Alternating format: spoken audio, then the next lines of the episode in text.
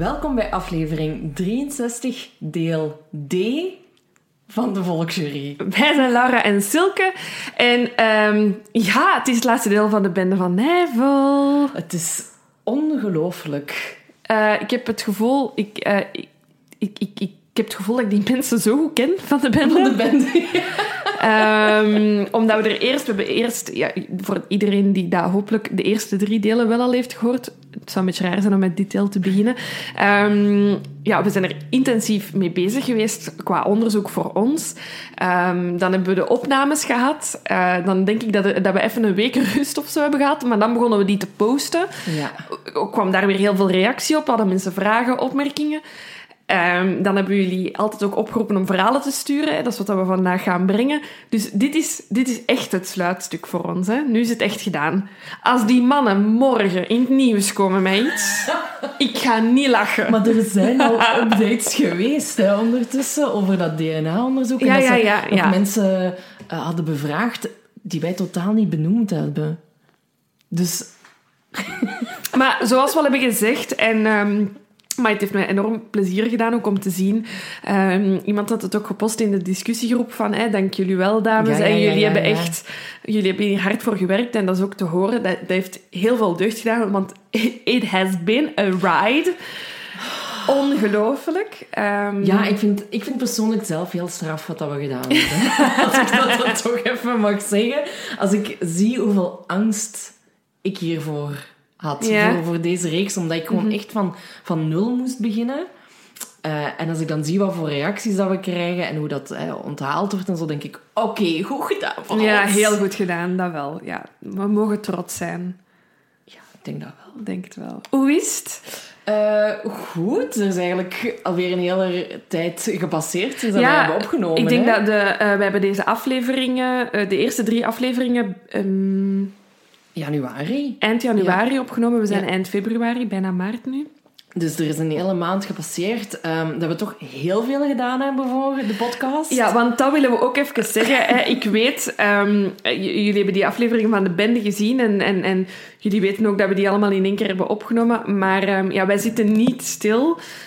Ons leven is eigenlijk op dit moment 100% bijna de... 100%, zelfs meer. De volksjury, we dromen, we slapen... Liggen wakker. Liggen wakker van, jawel, ons boek. Want dat zijn wij volop aan het schrijven. En voor de mensen die dan zo zeggen, oh, ik kijk er naar uit om het te lezen. En waar ligt het al in de boekhandel? Wij zijn, tot de laatste minuut gaan wij hier aan moeten schrijven. Dat is wat we nu aan het doen zijn. Ja. Um, ik heb, het is nog intenser dan, dan de bende. Oh, nog veel meer. Want wij werken, wij stoppen met werken. Uh, wij beginnen aan ons boek te schrijven. Iedere dag opnieuw. We hebben vergaderingen uh, al super vroeg voordat we onze normale job beginnen. Dus het is echt weekenden zitten vol. Met schrijven. Met schrijven gewoon. Um, dus... Um, Oh, please, hopelijk vinden jullie dit goed, want we zijn, echt, we zijn er echt hard voor aan het werken. Uh, oh, deze, ja. Voor de mensen die dat het zich... Want ik, ik, ik, zie regelmatig de vragen nog binnenkomen via onze social media kanalen. Dus we zijn een boek aan het schrijven. Het is gebaseerd op de afleveringen. Um, deels zaken die we dus al hebben gebracht, deels nieuwe zaken.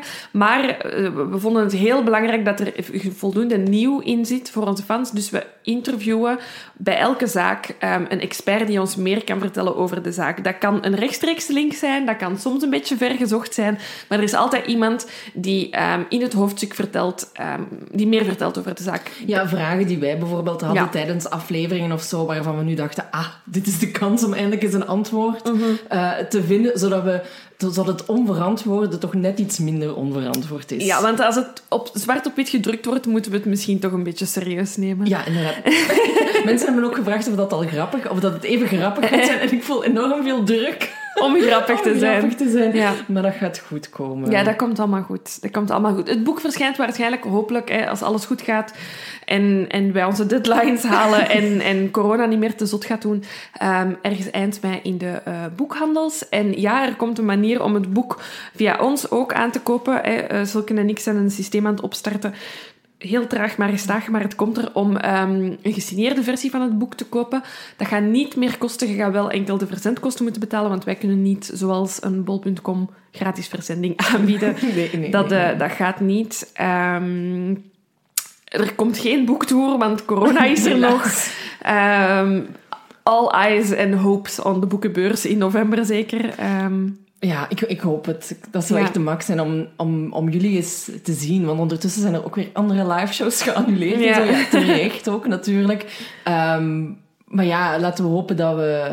Ja, nu gaan we waarschijnlijk weer zo'n rare uitspraken doen, zoals in het begin van Ja. de ik doe geen uitspraken meer. Nee, maar als iemand op een, goede manier vindt of aan iets denkt om coronaproof met ons in contact te staan, ehm, suggesties zijn altijd welkom. Ja, ja. Ehm, want dit is iets...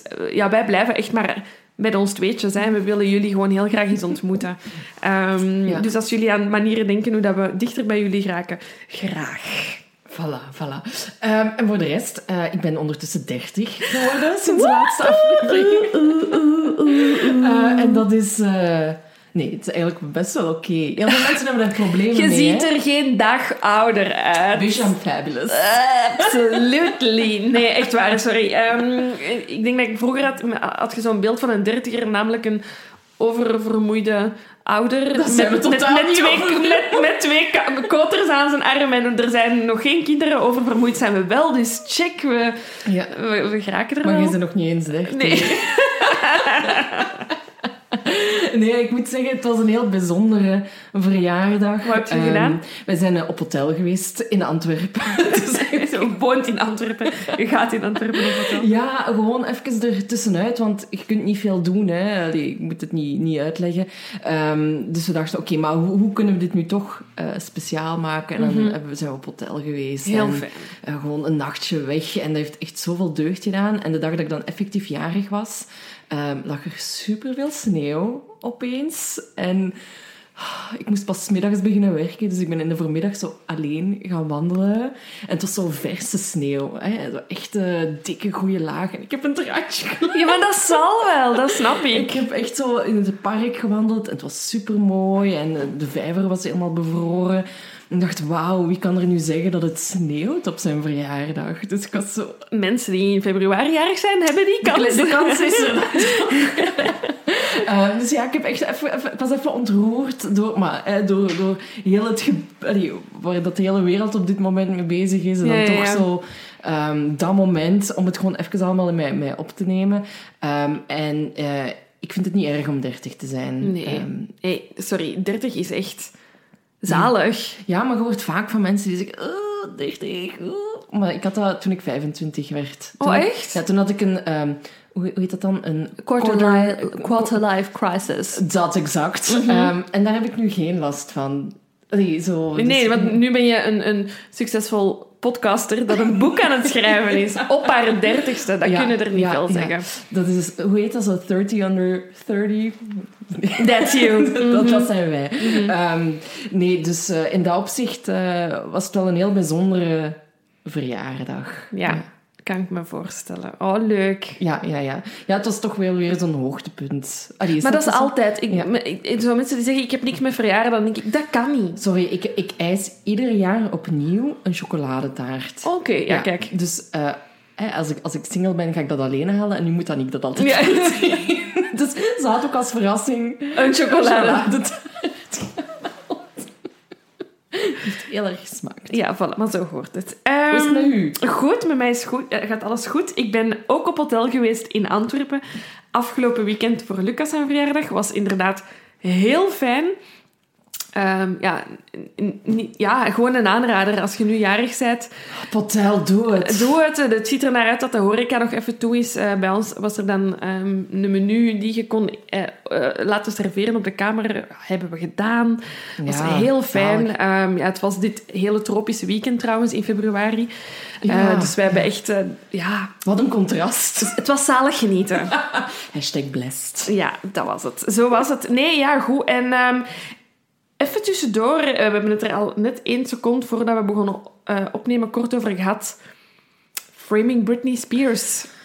Oh, mannetjes. Sorry, het is een van de enige dingen waar ik, dat ik echt bewust eh, wou kijken. Want meestal ga ik dus gewoon schrijven als ik thuis kom.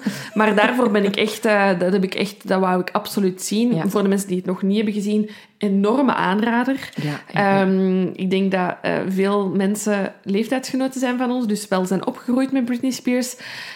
En het doet u wel echt goed nadenken over wat dat de media ehm, Doet met doet mensen. met, eh, met mensen. Ja. Ja, absoluut. Want ik was vroeger ook... ehm, Britney Spears is zo... Ik denk mijn allereerste cd geweest. Upside Did Mhm. It Again of zo. Is. En ehm, ja, ik ben er wel echt mee opgegroeid. En dan inderdaad... Je ziet, ik heb die, je ziet die crashen hè, op een gegeven moment. En ja, die wordt super geframed als een totaal gestoord wijf, om ja, het zo maar ja, te zeggen. zo wordt ze was het. Ja. Ehm, en om dan te beseffen dat die op dat moment ook maar 24 of zo was. Ehm, ik- ja, ik, ik schaamde mij eigenlijk een beetje Ja, ik schaamde, zag. mij ook, ik schaamde mij ook als fan, want ik herinner me nog heel goed moment... ehm, eh, het, het moment dat... dat eh, gewoon, nu ga, ik- nu ga ik ook andere... Ja, ik moet zien dat ik geen andere mensen in de verlegenheid breng.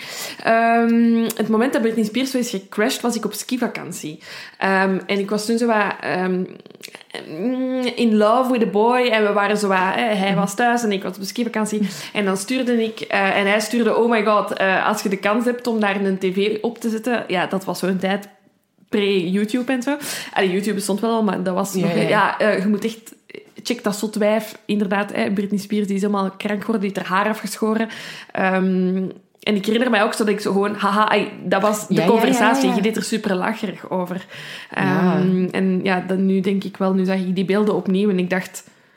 Thank God, ik was een tiener en mijn brein was misschien nog onderontwikkeld. En ik was verliefd. of zo. Ehm, maar nee, heel, het, is, het is heel hard binnengekomen bij mij, Ja, die bij mij documentaire. Ehm, en ik vond het gewoon wel heel cool dat er twee podcasters in zaten. Ja, wacht.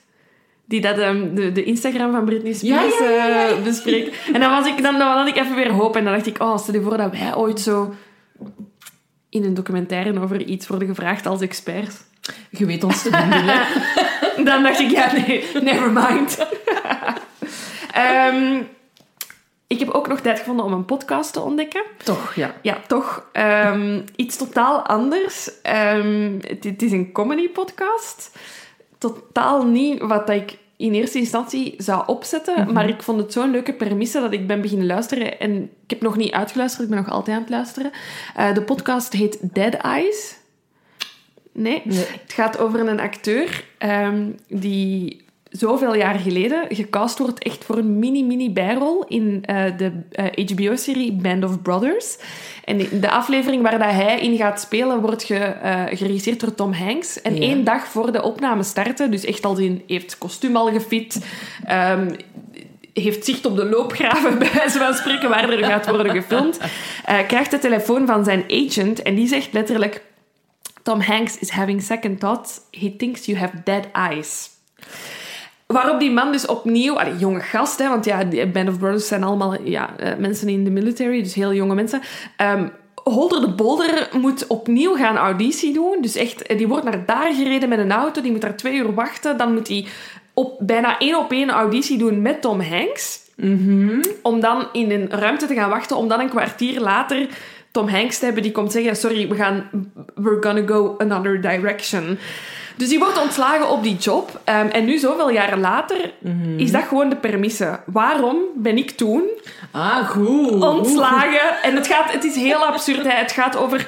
Hij interviewt een, een, een, een, singer-songwriter van een album dat toen uitkwam, waar, waar hij heel veel op heeft geweend, tot ehm, hij, hij, hij herauditiet met een van zijn acteursvrienden, die samen met hem dan lines Oh, leest. Het gaat, het, het gaat absurd, absurd ver.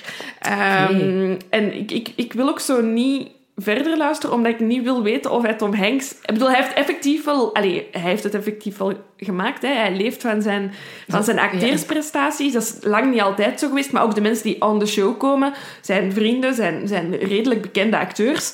Ehm, eh, Seth Rogen heeft nu net een aflevering gedaan dat ik heb gehoord. Ehm, ik wil zo... Ik voel het moment komen dat hij er met Tom Hanks zelf gaat over praten. En dat wil ik zo niet. Ik vind het echt... Nu is nog zo heel mythisch. Ja, ja, inderdaad. Eh, en ik lach me kapot gewoon. Omdat ik ook zo die, die absurditeit van de filmwereld, die dat ik dan ken uit mijn job. En dan... Ja, het is heel grappig. ah, goed. Ik ga, ik ga luisteren. Ik vind het echt heel leuk. ja, Ja, Ik, heb me, ik heb het goed verkocht. Goed verkocht? Oké, goed.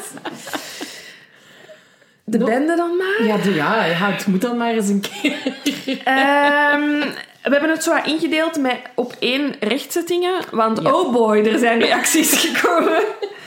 Ehm, dan wat verhalen van Ja. mensen ehm, die zelf of die hun ouders of grootouders iets mee hebben. En dan tot slot wat pistes van mensen die Ja, dingen hebben. maar we hebben heel veel binnengekregen. Ja, again, ja. Dus we gaan niet, uiteraard niet alles kunnen lezen, maar we hebben echt van elke mail genoten die is binnengekomen. Ja, we hebben Echt ook eh, super. nog niet de tijd gehad, dus we gaan denk ik ook niet... Allee, we gaan niemand kunnen antwoorden. We hebben alles wel gelezen, weet Ja, dat. Uiteraard, ja. ja. Weet dat. Ehm, het was weer een moeilijke selectie. Ik denk dat we er nu ja, een 23, 24 tal ja, verhalen hebben overgehouden. En dat is weer zo, ja, max een derde of een vierde Ja. misschien zelfs van alles wat dat mensen ons hebben gestuurd. Ehm, dus ja, hopelijk zijn jullie niet teleurgesteld als jullie verhaal het niet haalt. Maar we hebben er sowieso van genoten. Ja, ja, voilà. We zullen eerst met de rechtzettingen We beginnen. beginnen met de rechtzittingen. Ehm, ik, ik vrees dat ze allemaal voor mij zijn. Ik wou het al niet zeggen. Maar eh, no shame, no shame. Om te beginnen.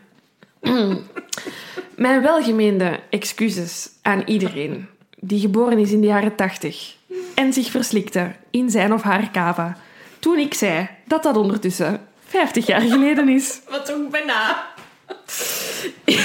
ik heb hier dus bijgeschreven, dus excuseer aan iedereen, aan alle tachtigers, het spijt me. Jullie zijn niet bijna Aan alle 50. tachtigers. En Zo, ja, hè, de Oh, ja, ja. 80s people. Hè, jullie zijn nog geen 50, maar wel bijna. Deal with it. Sorry, het komt dichterbij.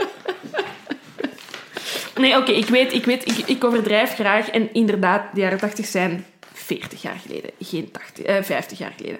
Dan ehm, ook eentje dat hard is binnengekomen, heb ik zowel van mensen dichtbij als ver weg moeten horen. Ehm, dichtbij omdat ik van de streek ben, Ah, ja, ja, ja. onder Brussel. Ehm Hoeilaard is geen deelgemeente van Overijse. Ik weet dat, ik heb dat gezegd. Waarvoor mijn excuses. Maar jullie moeten jullie dorpsfetes onder elkaar uitvechten. Daar hebben wij echt niks mee ik te heb maken. er niks mee te maken. Ik hou van Overijse en van Hoeilaard. Jullie zijn allemaal leuk. Maar jullie zijn geen deelgemeentes van elkaar. Eh, dan ook een paar keer teruggekomen, ook waarvoor mijn excuses. En hier wel echt mijn welgemene excuses. De bende Hamers heeft wel degelijk slachtoffers gemaakt. Er zijn zes doden gevallen, waar we zeker van zijn. Er zijn verschillende gewonden geweest. Ehm, we hebben gezegd dat er geen slachtoffers waren bij de bende Hamers. Het zijn er dus beduidend minder dan bij de bende van Eiffel, maar er zijn wel degelijk slachtoffers gevallen. Eh, dan eentje dat ik heel persoonlijk heb genomen. Mijn naam is Laura, niet Laure. En Scheerling schrijf je met CK van achter. Voilà, dat, moest ik eens gezegd hebben. Dat was het. Ehm, en voor de rest, ja, weet dat, dat niks wat dat we zeggen slecht bedoeld is. En dingen worden gewoon sneller gezegd dan, ehm, dan, dan, dan dat je erover nadenkt. En ik kijk uit naar al jullie vijftigersfeestjes. 80s people. Bon, dan zullen we met de eerste verhalen beginnen. Ik heb er hier eentje voor mij van ehm, Laura. Niet ik, een Een andere. andere Laura. Een hele galet van mail eigenlijk. Maar superleuk. Ik ga, ik ga hem gewoon beginnen voorlezen. Toen je ook zo niet hallo of gewoon Nee. los. Maar gaan. Kijk, Laura's, zo zijn wij. Ik voel, ik voel hoe, dat ze, hoe dat ze is. Alright. Toen jullie tijdens de aflevering over de bende van Nijvel opriepen om getuigenissen door te sturen, heb ik die avond tijdens het eten aan mijn ouders gevraagd naar hun ervaringen. Ik ben wel eigenlijk benieuwd of veel mensen dat gedaan hebben. Ongetwijfeld. Waarschijnlijk, hè. Ik meende mij vaag te herinneren dat mijn vader langs de Delhaize te Aalst liep tijdens de overval op 9 november 1985. En effectief, mijn ouders vertelden me dat ze beide en een van hun latere vrienden hier alle drie een connectie mee hebben. Mijn moeder was de enige van de drie die toen niet in de buurt van de Delhaize was. dat is al een goed begin. Ze zat in een relatie met de zoon van een wapenhandelaar slash wapenspecialist uit Gerardsbergen. Ligt op zo'n 25 kilometer van Aalst. Zij vertelde mij dat deze man, net als veel wapenhandelaars toen, bang was dat de bende hem ging overvallen.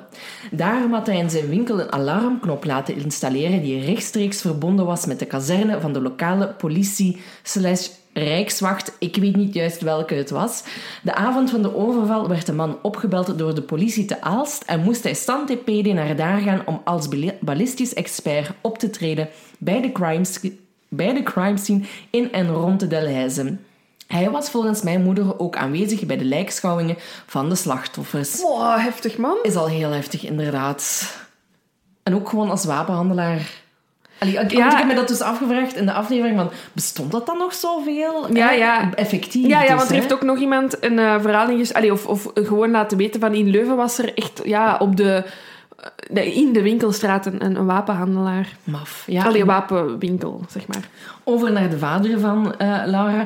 Mijn vader woonde toen der tijd in Ninove, ongeveer op 15 kilometer van Aalst. Love it, dat ze hard haar best doet om niet te zeggen dat dat onder... Het ligt niet onder Brussel, maar...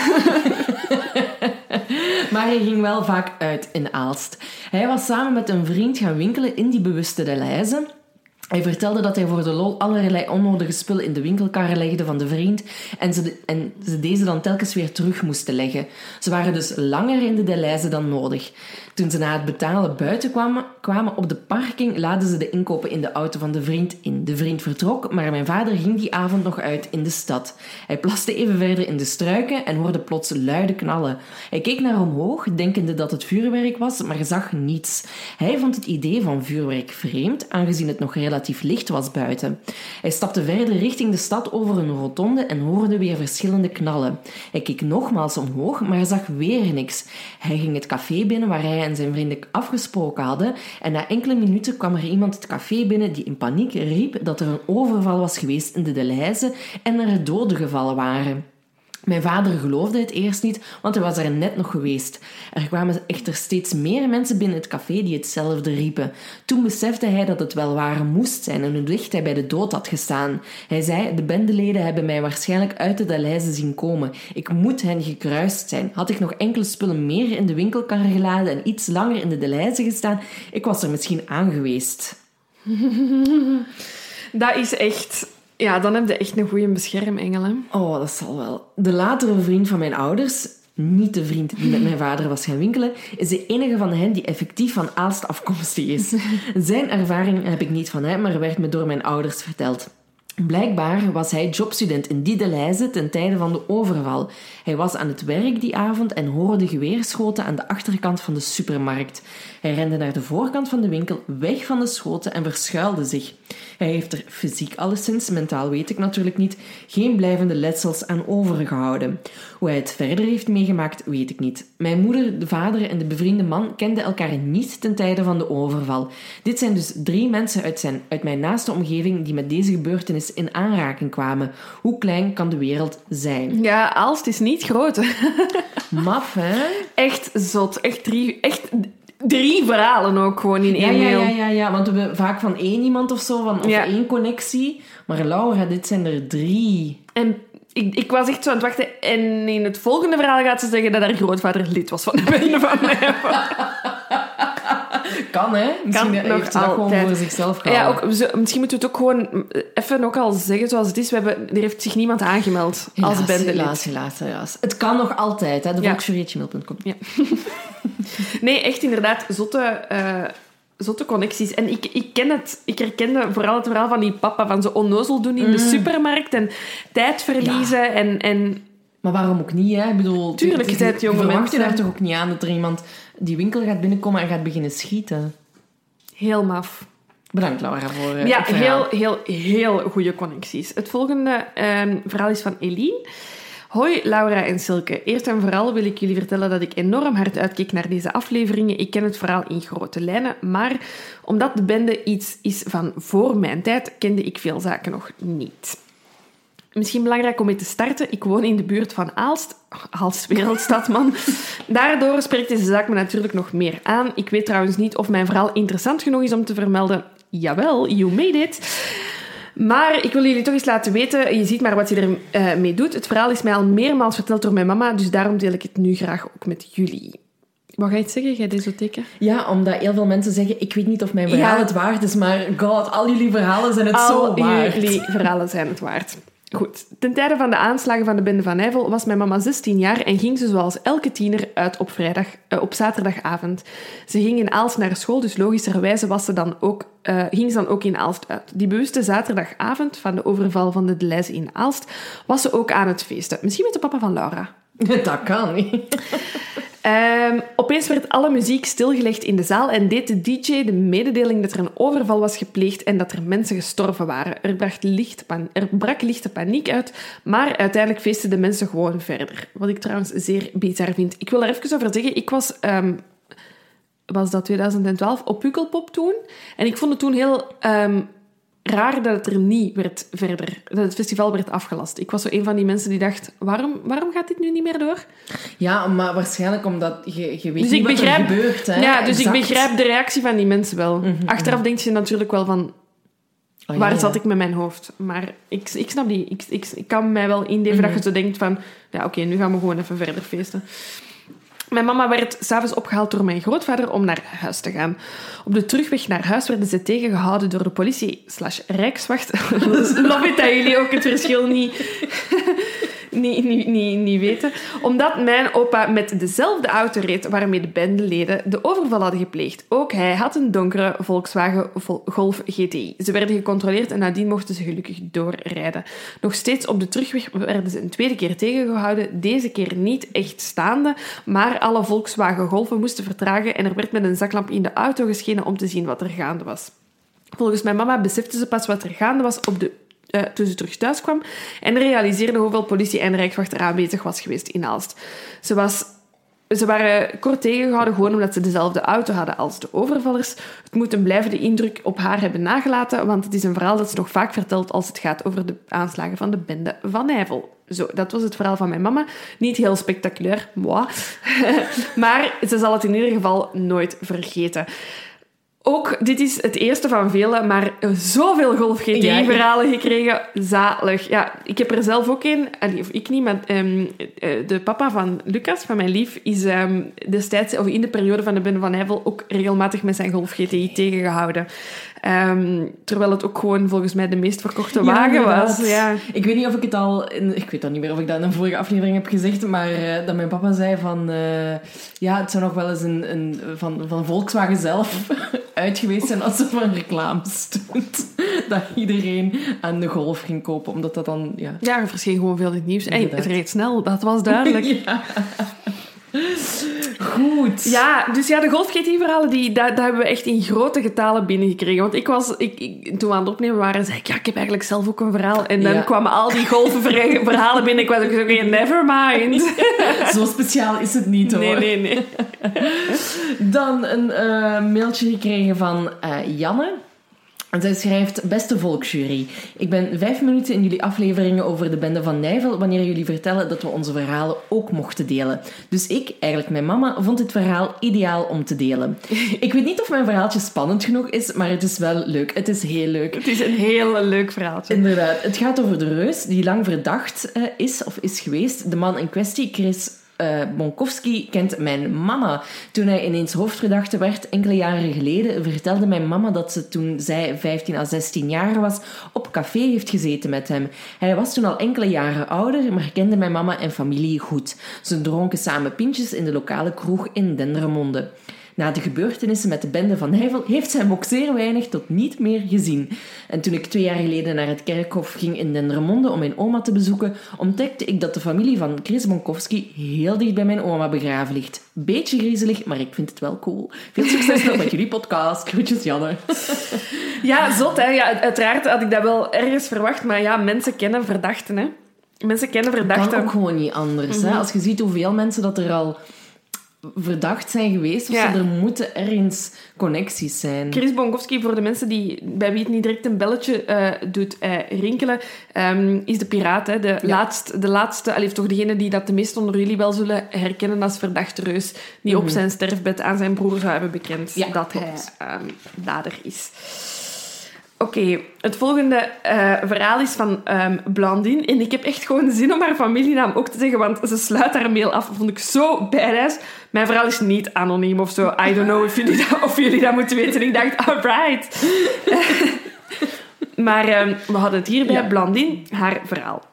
Het verhaal dat ik heb over de bende van Nijvel is niet zo heel spannend. maar misschien kunnen jullie er toch wel iets mee doen. Mijn familie is van Halle slash Lembeek en mijn opa was in de koolruit van Halle wanneer ze, er hebben, wanneer ze deze hebben overvallen. Mijn opa vertelt altijd dat hij en de rest van de mensen in de winkel eigenlijk pas heel laat door hadden wat er gebeurd was. De mensen dachten dat de geweerschoten bakken waren die gevallen waren. En um, ze waren eigenlijk niet, er, was niet eigenlijk, er was eigenlijk niet echt paniek onder de mensen die ver weg van de kassa stonden. Pas toen mijn grootvader naar de kassa ging en allemaal neerliggende mensen zag liggen, had hij door wat er was gebeurd. Hij zegt ook nog iets. Uh, hij zegt ook dat hij de mensen nog, de bende dan nog net heeft zien weglopen.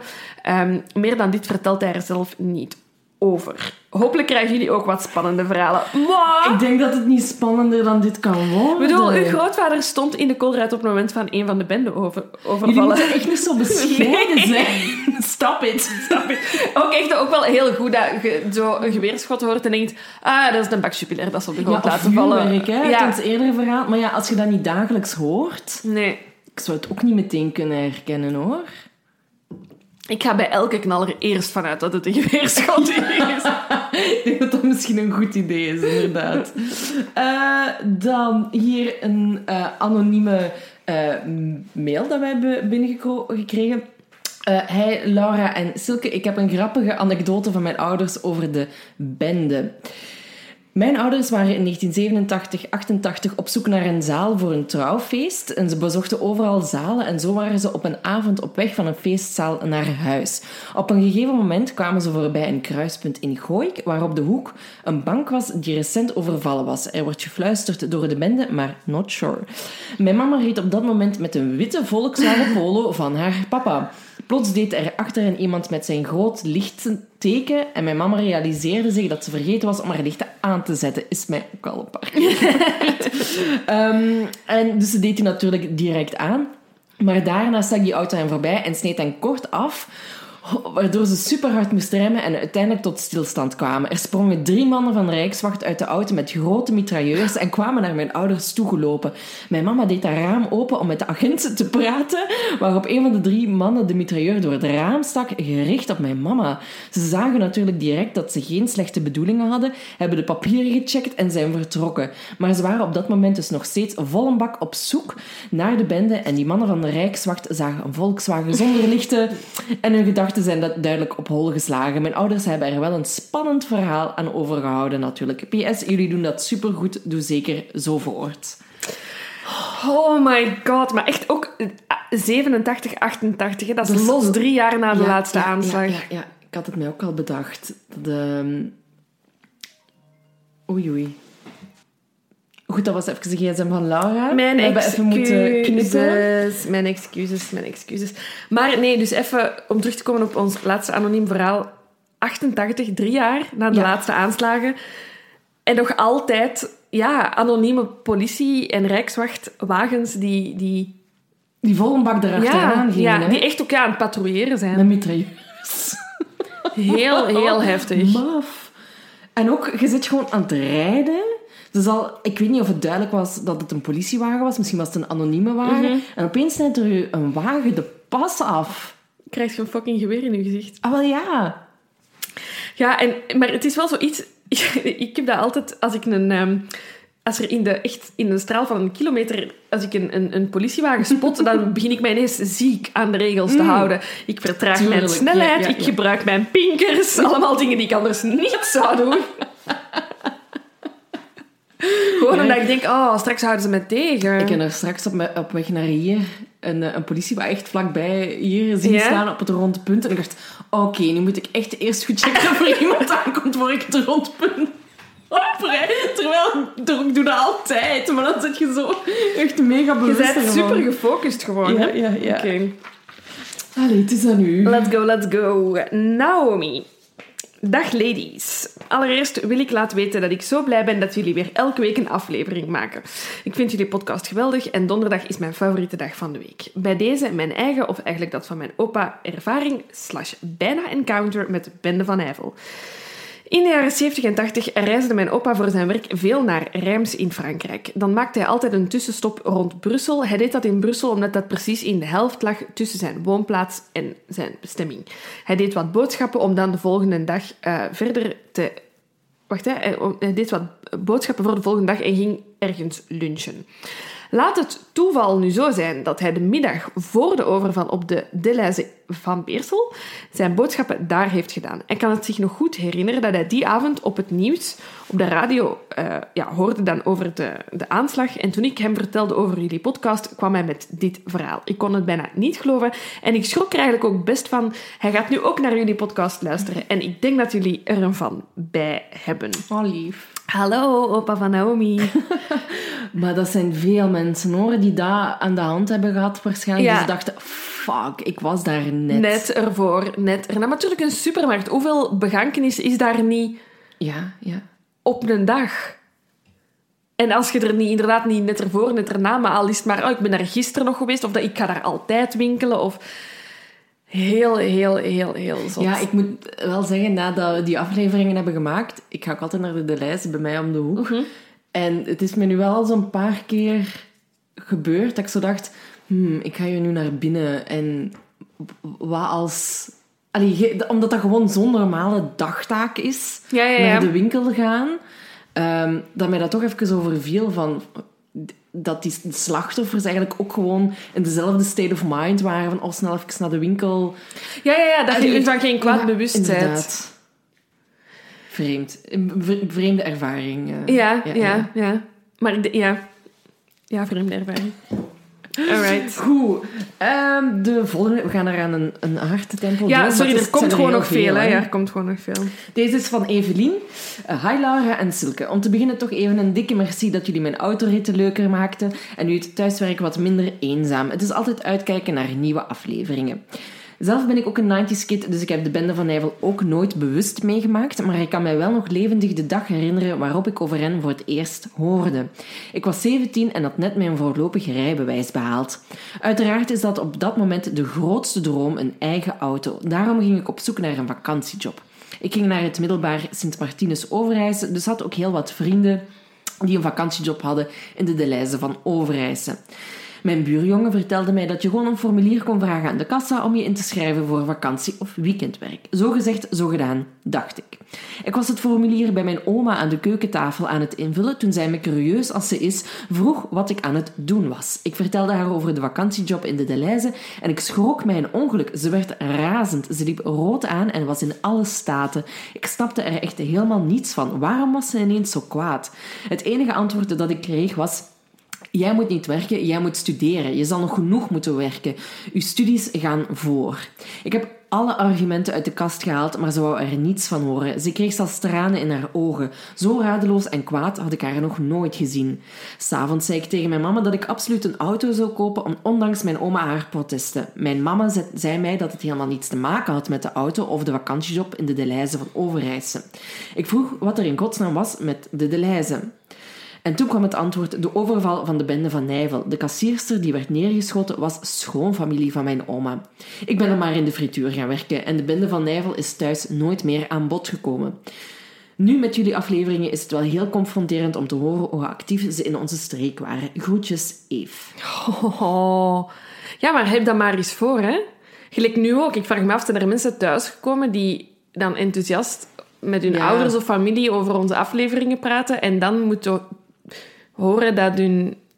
Dat, dat er toch een, een zeer slechte connectie is. Ja. Of zo, moet ik, ik heb gewoon wel... Um, gewoon persoonlijk nog één vraag, vraag voor Evelien. Um, heb je vakantiejob gedaan in Frituur de S-bocht in Overijssel? Laat het mij weten.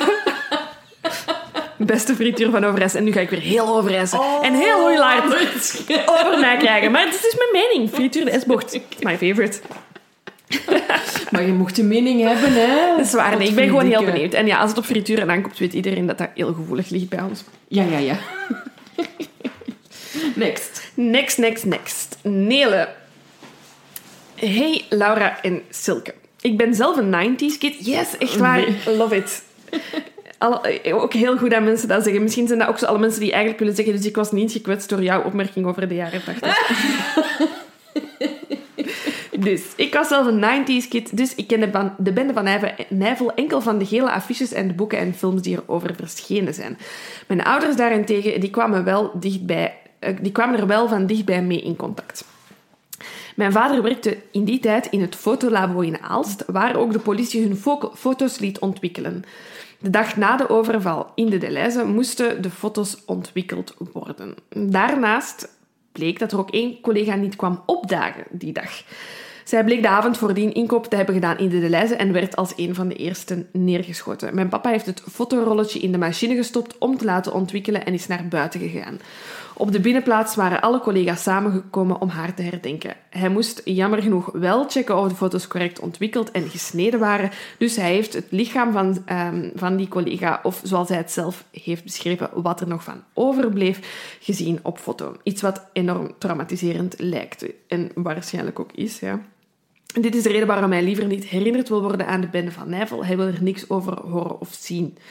Mijn moeder was dan weer ehm, op het parket van Dendermonde. Zij heeft gelukkig niet zo'n traumatiserende dingen gezien, maar ze, weet, ze wist wel wat meer over het onderzoek naar de bende van Nijvel. Inside information. Yes, love it!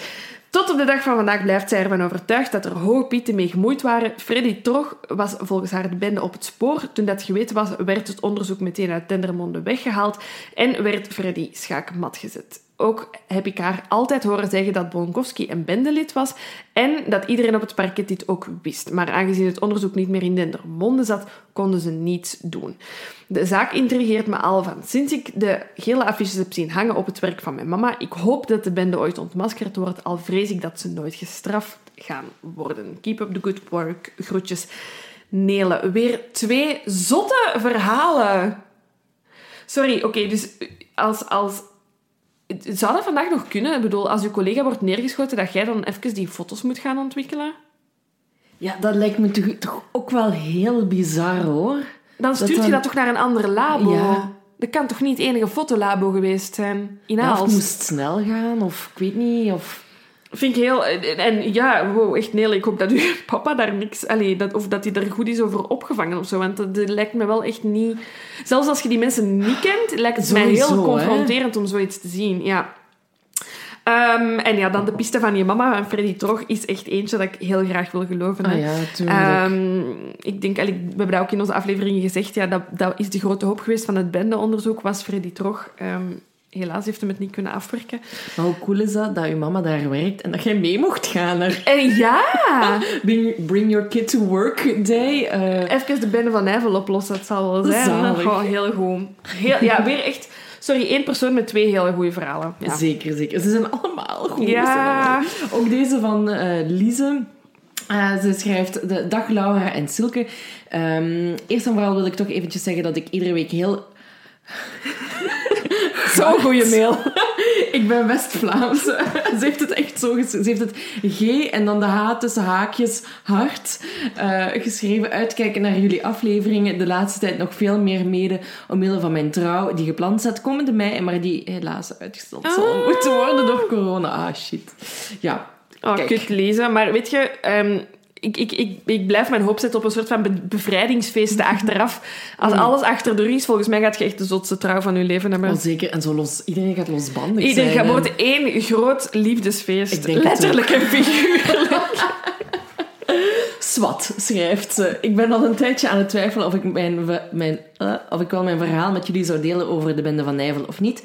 Na lang twijfelen zal ik het toch delen. Misschien vinden jullie het helemaal niet interessant. en Hier er zullen gaan we vast weer. meer mensen zijn die interessantere verhalen zullen schrijven.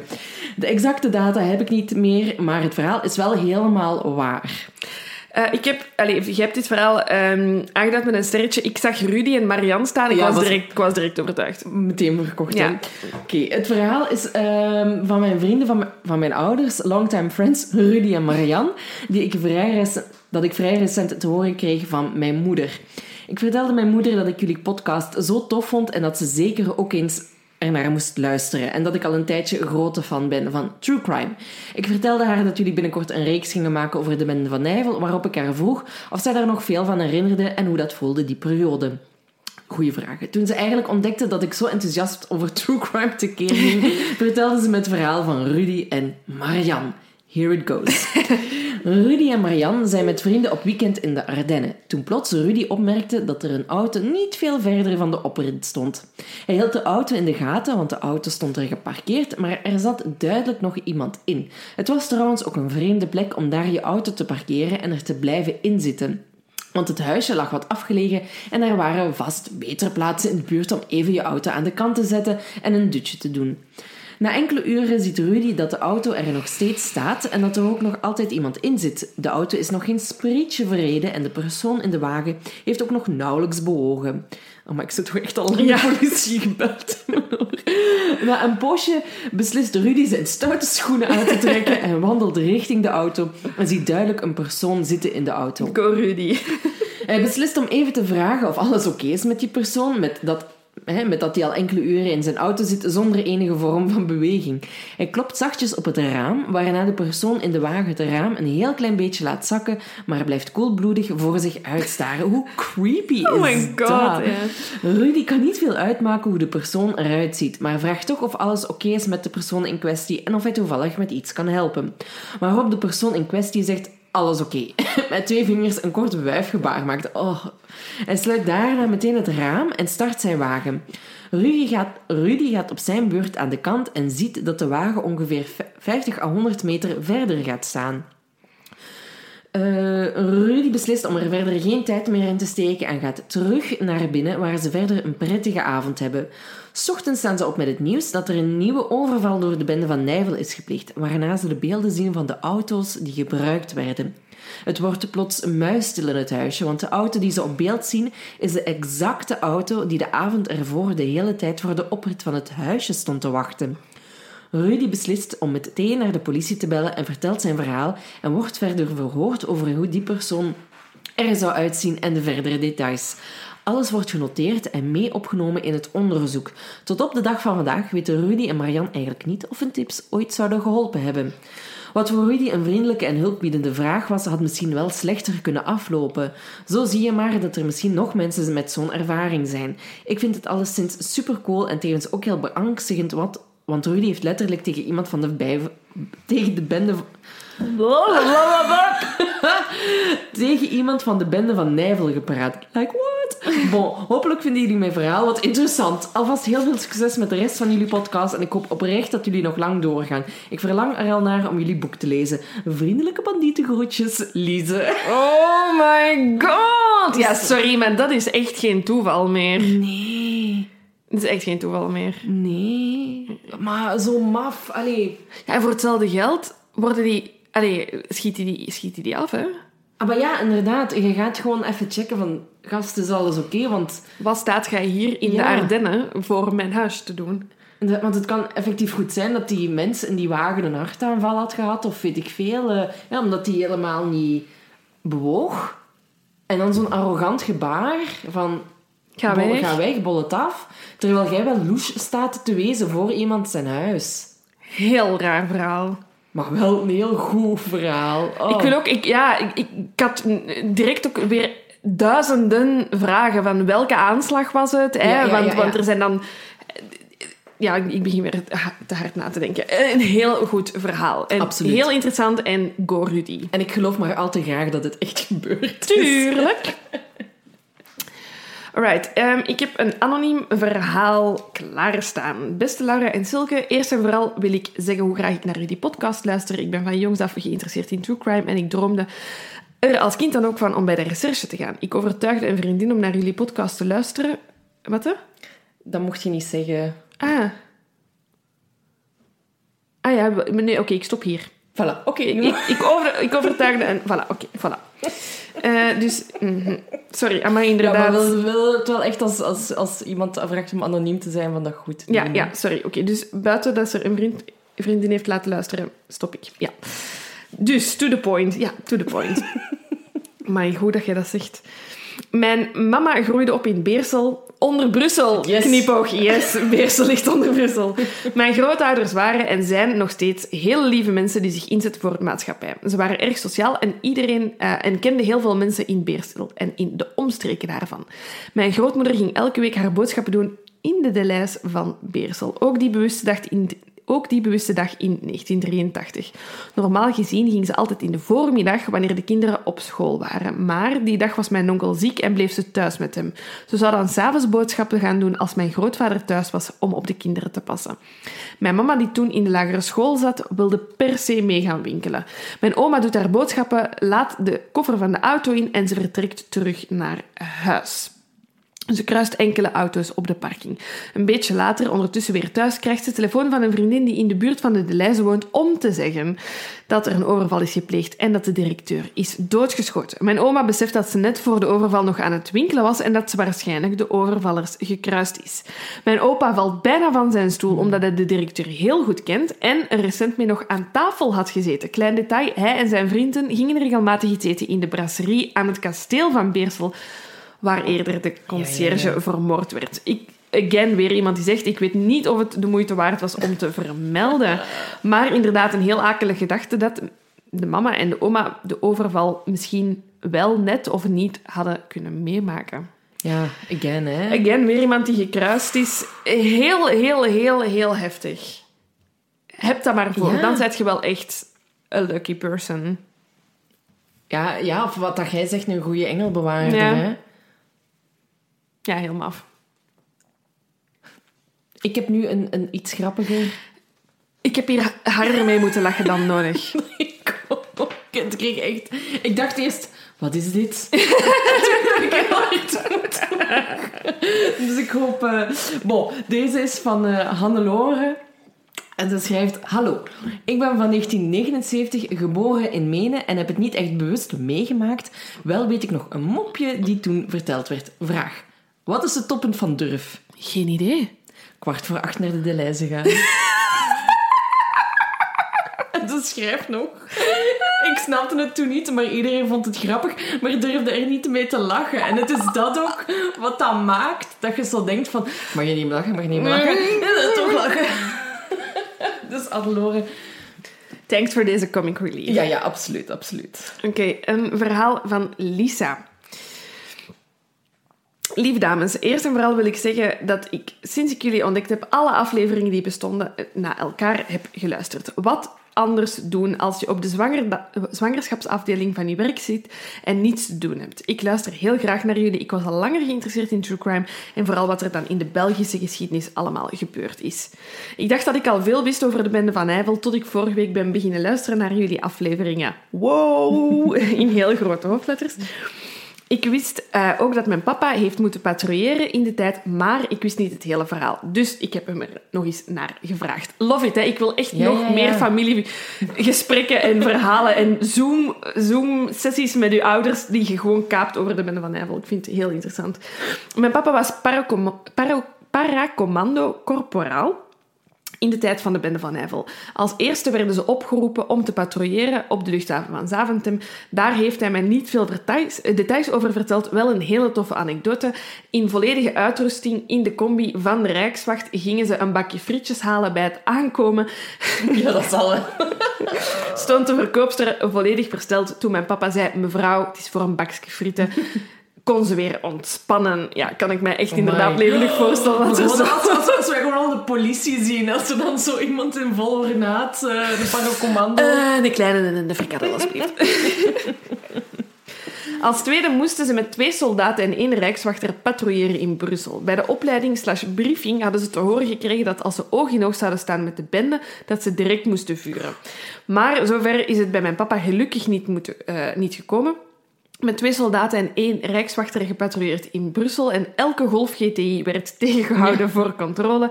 Eén soldaat achteraan, ehm, ja, de wagen waarschijnlijk eh, klaar om daarop te schieten. Mijn vader vooraan ehm, in de wagen klaar om te schieten en de rijkswachter deed dan het papierwerk. Maar heb, ja, dit bevestigt ook dat verhaal van daar straks van Ja, die ja. mitrailleur die dan direct... Wie weet was hem dat gewoon. Wie weet was hem dan? Inderdaad, dat is de link. Heel zot. Dat ja, maar ja, ik was ook nog niet. Eh, tot slot zegt hij, ik ben zo onder de indruk. Hij heeft nog me- veel meer verteld dan dit, maar deze twee verhalen sprongen er echt uit. Er zijn ook anekdotes over, de tijd, over die tijd die mijn papa liever niet deelt. Eh, papa van Lisa, bel ons. We willen ook gewoon alleen eens met u babbelen. ja, hè? gewoon iets babbelen over de bende. Frietjes. Ja. Super.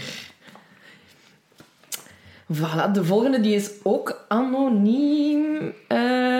Lieve Silke en Laura, allereerst moet ik jullie bedanken voor de tofste true crime podcasts te maken. Ik ben jaloers op jullie onderzoeks- en verteltalent. Nou. Blijf vooral voortdoen, want jullie zijn toppertjes. En dan sla ik een klein stukje over.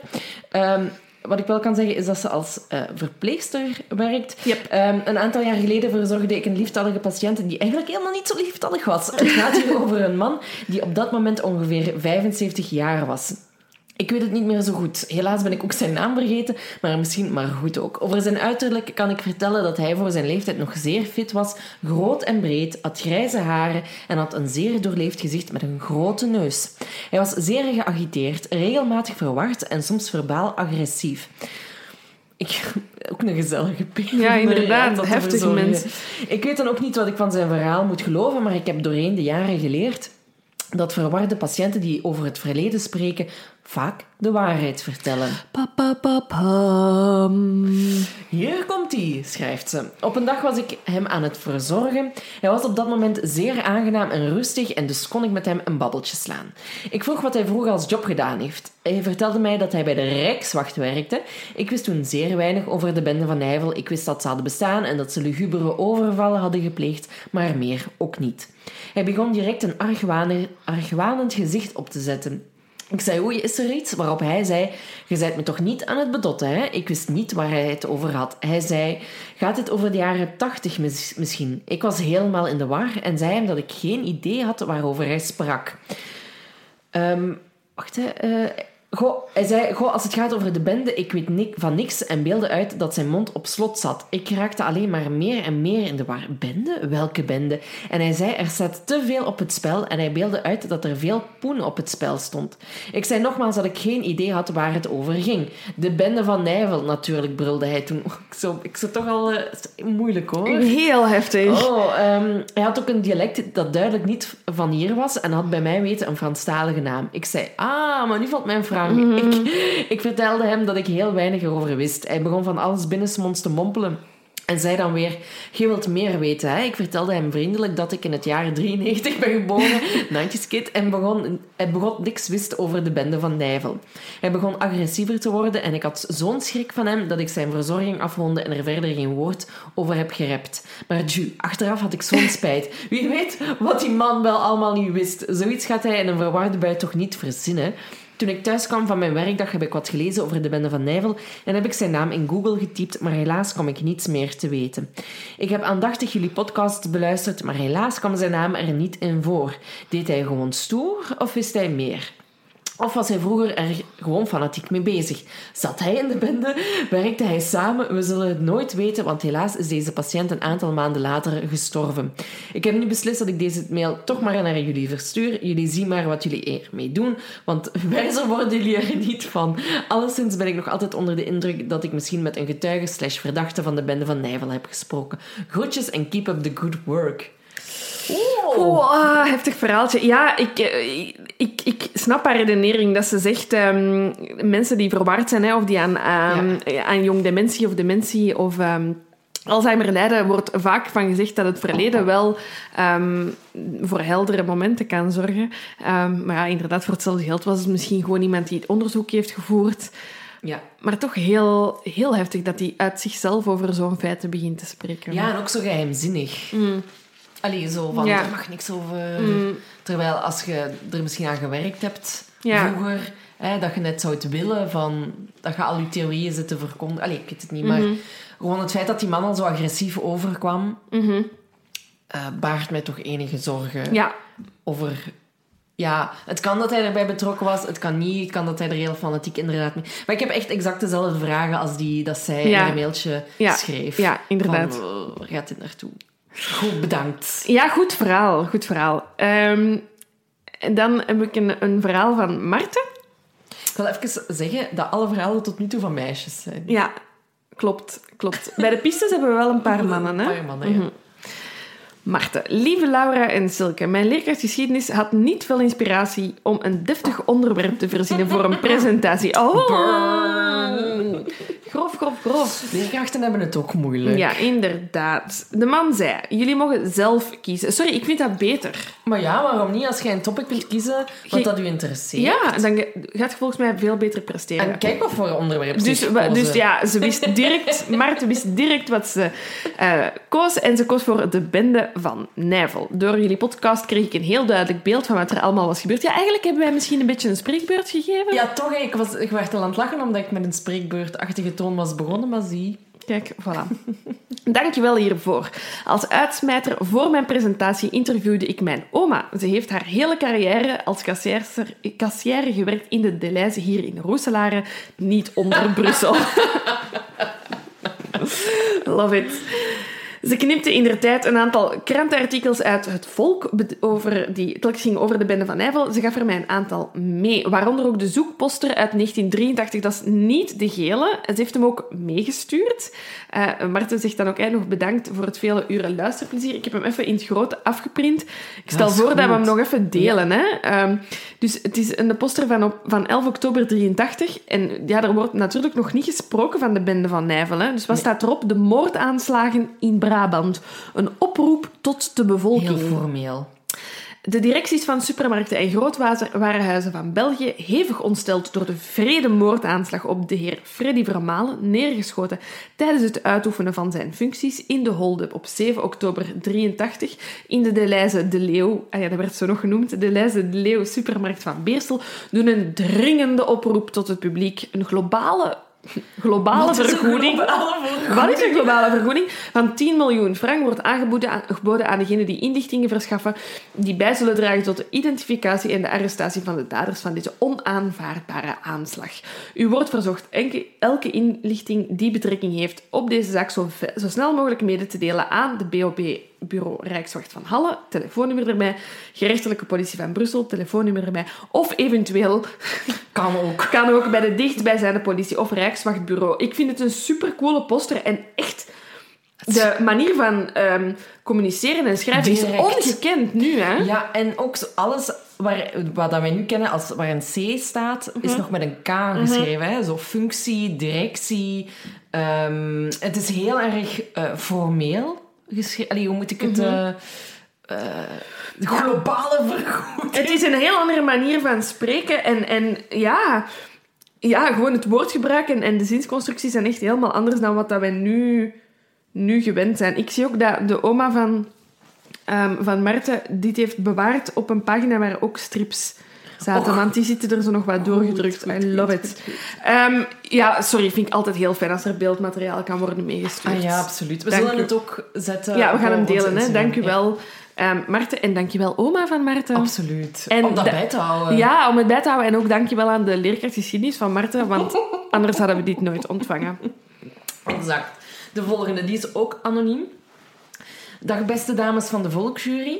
Ehm, hoe graag ik mijn eh, verhaal hier gigantisch uitgebreid zou willen neerpennen, probeer ik het toch heel beknopt te houden. Ten tijde van de bende was er, voor mij, van, was er van mij nog niet eens sprake, maar de verhalen komen telkens boven eh, als ik bij mijn tante op bezoek ga. Het eerste deel van het verhaal centreert zich rond de bende zelf. Mijn tante werkte in de Deleuze van Dendermonde toen de bende de verschillende overvallen pleegde. Nu moet je zeggen, dat is maar 14 kilometer van die van Aalst. Hè.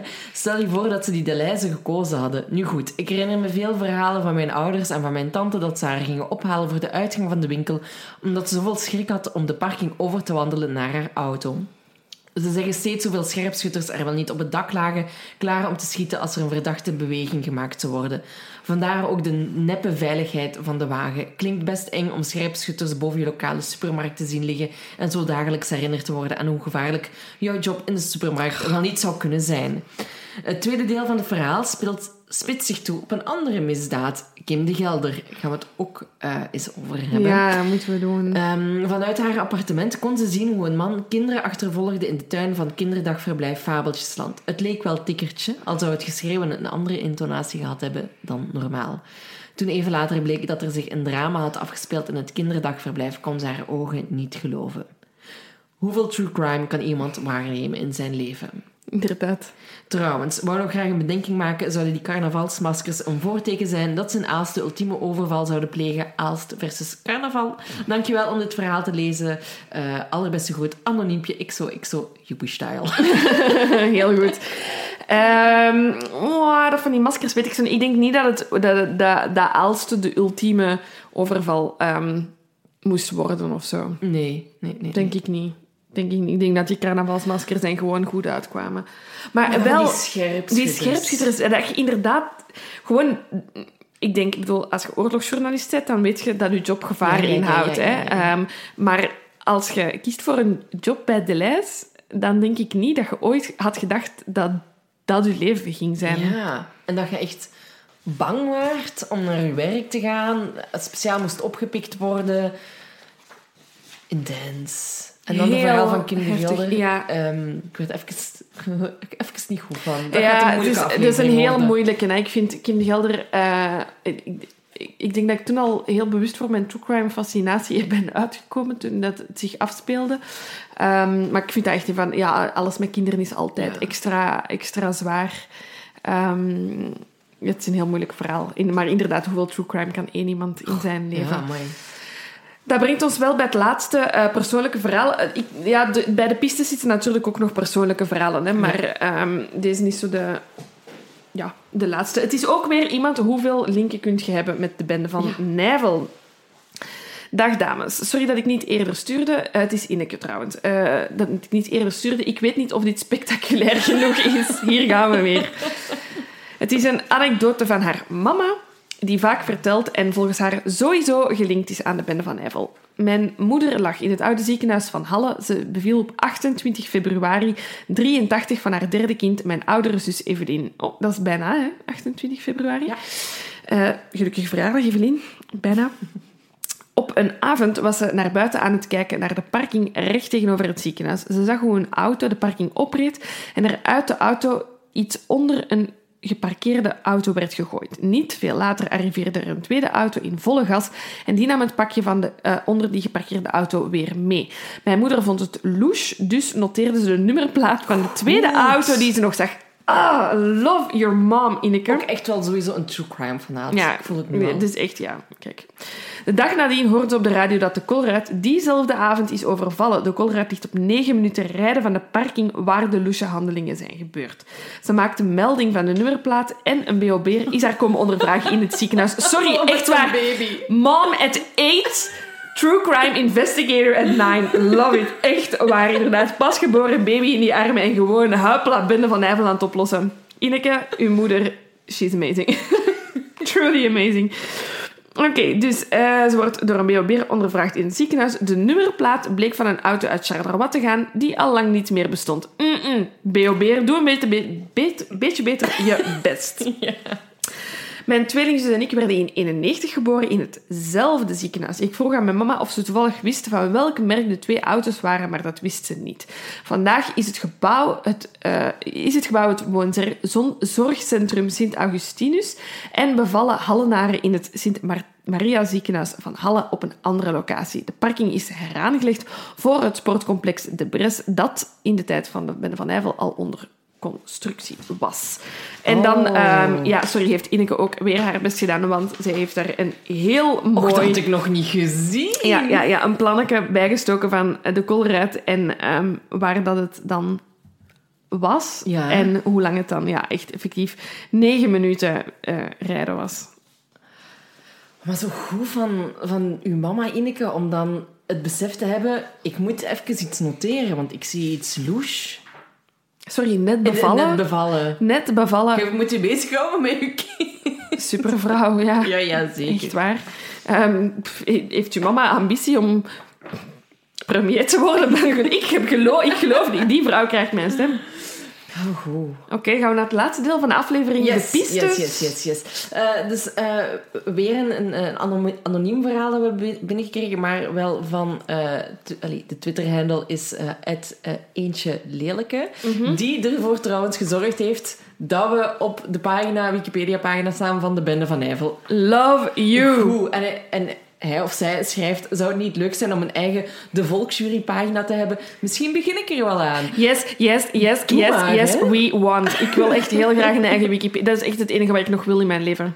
Ja, dan hebben we toch al onze goals Dan heb, ik, dan, heb ik al mijn goals gehad. Voilà. Oké, dus, eh, het verhaal. Eh, maar wat ik nu eigenlijk wil, wel wil vertellen, is een verhaal dat mijn vader zijn hele leven heeft verteld. Het is nogal vaak, maar dat zijn de beste, toch? Yes. Mijn vader is heel zijn leven beroepsmilitair geweest, dus ook in de jaren tachtig, toen de bendefeiten zich voordeden. En hij heeft altijd verteld dat er toen in het leger ook wat zaken speelden. Het kwam erop neer dat ook in het leger de vraag kwam om mee te doen met de bendelike zaken, grotendeels met de, de idee voor meer financiering richting leger en politie slash rijkswacht. maar het leger had het op dat moment wel goed en wou dat niet op het spel zetten. Hij heeft er altijd voet bij stuk gehouden dat het interne opzet was waar de politiek mee gemoeid was. Ik vond zijn gedrag als het over de bende gaat altijd al verdacht. Het ging zelfs zo ver dat toen onderstaande foto, die van de Monchichi met, met het grote geweer, ehm, als die foto in de krant verscheen, ik naar oude foto's ben gaan zoeken of hij het niet was. Er was wel een redelijke gelijkenis, al waren het natuurlijk de jaren tachtig en liep bijna iedereen er met dat kapsel en zo'n bril bij. Groetjes, een vaste fan.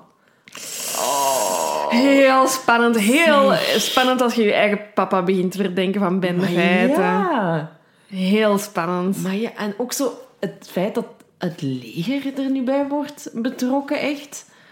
En er volgens dit verhaal ook wel gevraagd zou zijn om mee te doen. Ah, ik denk echt... Enfin, we, gaan, we gaan het er sowieso nog over hebben, hè, want we hebben erg lacherig gedaan over, De WNP, maar... over de WNP en, en over grote complotten en, en, en, en eh, betrokkenen figuren. Maar we hebben toch wel heel veel ehm, mensen gekregen die, die, die toch wel zeiden van... Ik heb gehoord dat het er, toch wel meer mee gemoeid was. Ja. Ehm, natuurlijk, je weet dat niet. Zijn die verhalen echt hearsay of zijn het echt Ja. eh, dingen die we weten? Ehm, maar deze was in ieder geval heel cool, omdat je dan ja, toch zo je eigen familie even in vraag ehm, Ja. Stel. stelt. Ja. Ehm, maar van de volgende mail heb ik even een bibber gekregen. Ook aansluitend op Ja. wat dat we nu net gezegd hebben. Ja, ja, ja. Lander. Dag dames. Eerst en vooral heel erg gewaagd om jullie aan een moeilijk dossier te wagen.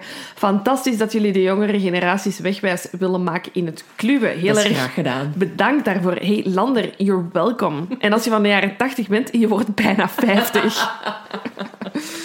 Ik heb me tijdens mijn studies, leesthesis, gewaagd aan het onderzoek van, ja, hier zijn ze dan, de WNP.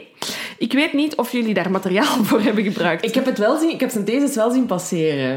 Ik heb het zien passeren, maar ja, zoals je weet was dat aan de piste waar wij. Toen ik die thesis zag, toen dacht ik, misschien moet ik het herevalueren. Maar ik had ook zo totaal geen tijd meer. Nee, nee, nee, Dus- nee. Dus eh, we hebben uw thesis gezien. Ik, we hebben hem ongetwijfeld opengeklikt. Maar ja, aangezien dat we dus niet voor de WPN hebben geko- WNP hebben gekozen sorry, als ehm, voornaamste piste, eh, denk ik niet dat we er veel hebben uitgehaald. Maar laat Lander maar eens Ja. aan het woord. hè. Ja, en hij zegt zelf, intellectueel was het een van de moeilijkste dingen die ik ooit heb gedaan. Ik kan er mij iets bij voorstellen. Ik ga zeker met veel elementen akkoord uit jullie uiteenzetting van de WNP, oh thank god. Ehm, al ben ik wel van mening dat de WNP er iets gemakkelijk aan de kant wordt geschoven als een onbeduidend clubje. Dat, dat begrijpen we, Lander. Persoonlijk vind ik dat er voorbij moet gegaan worden aan de opvallende, domme figuren eh, die lid van de WNP En zoals waren. wij ze ook genoemd hebben. Hè. Ja, het waren enkel stroommannen. Ze zijn hier eigenlijk niet van belang. De WNP heeft er eigenlijk eigenhandig voor gezorgd dat de VSSE... Staatsveiligheid, denk ik. Ja, in een storm terecht is gekomen waarvan ze nog lang niet hersteld is. Deze stroommannen, dus nuttige zotten eigenlijk, noemt hij ze. Love it, echt waar. Ik heb al spijt dat ik die thesis niet heb gelezen. Eh, werden gestuurd en gefinancierd van hogerhand en waren doordrongen van anticommunistisch gedachtegoed. Check zeker eens de naam van baron Benoît de Bonvoisin. Al moet ik je waarschuwen, dit sujet heeft ehm, mij aangeklaagd in aanvolging van mijn thesis. Lander, love it, we moeten dringend op café. Ik sta daarom nog steeds uit... ik sta daarom nog steeds uit Achter, een, pas ja. ah ja, uit een passage die ik schreef. Ehm, van mijn thesis. Dus even een, een kort fragmentje uit de thesis van Lander. De zaak WNP zou immers de sleutel kunnen zijn om de gebeurtenissen van de jaren 80 te kunnen ontrafelen. Het is een affaire die het duidelijkst is van allemaal, want de leden zijn bekend. Dat is iets wat niet kan gezegd worden over de leden van de bende van Nijvel, en dat is waar. De WNP had ook, in tegenstelling tot de bende, een duidelijk doel. De veiligheid van de staat in discrediet brengen en de kop van Albert Raas doen rollen. Wat had moeten gebeuren, is dat de onderzoeken apart van elkaar zouden worden gevoerd en niet samenvoegen, want zo zijn er belangrijke sporen die niet onderzocht zijn geweest.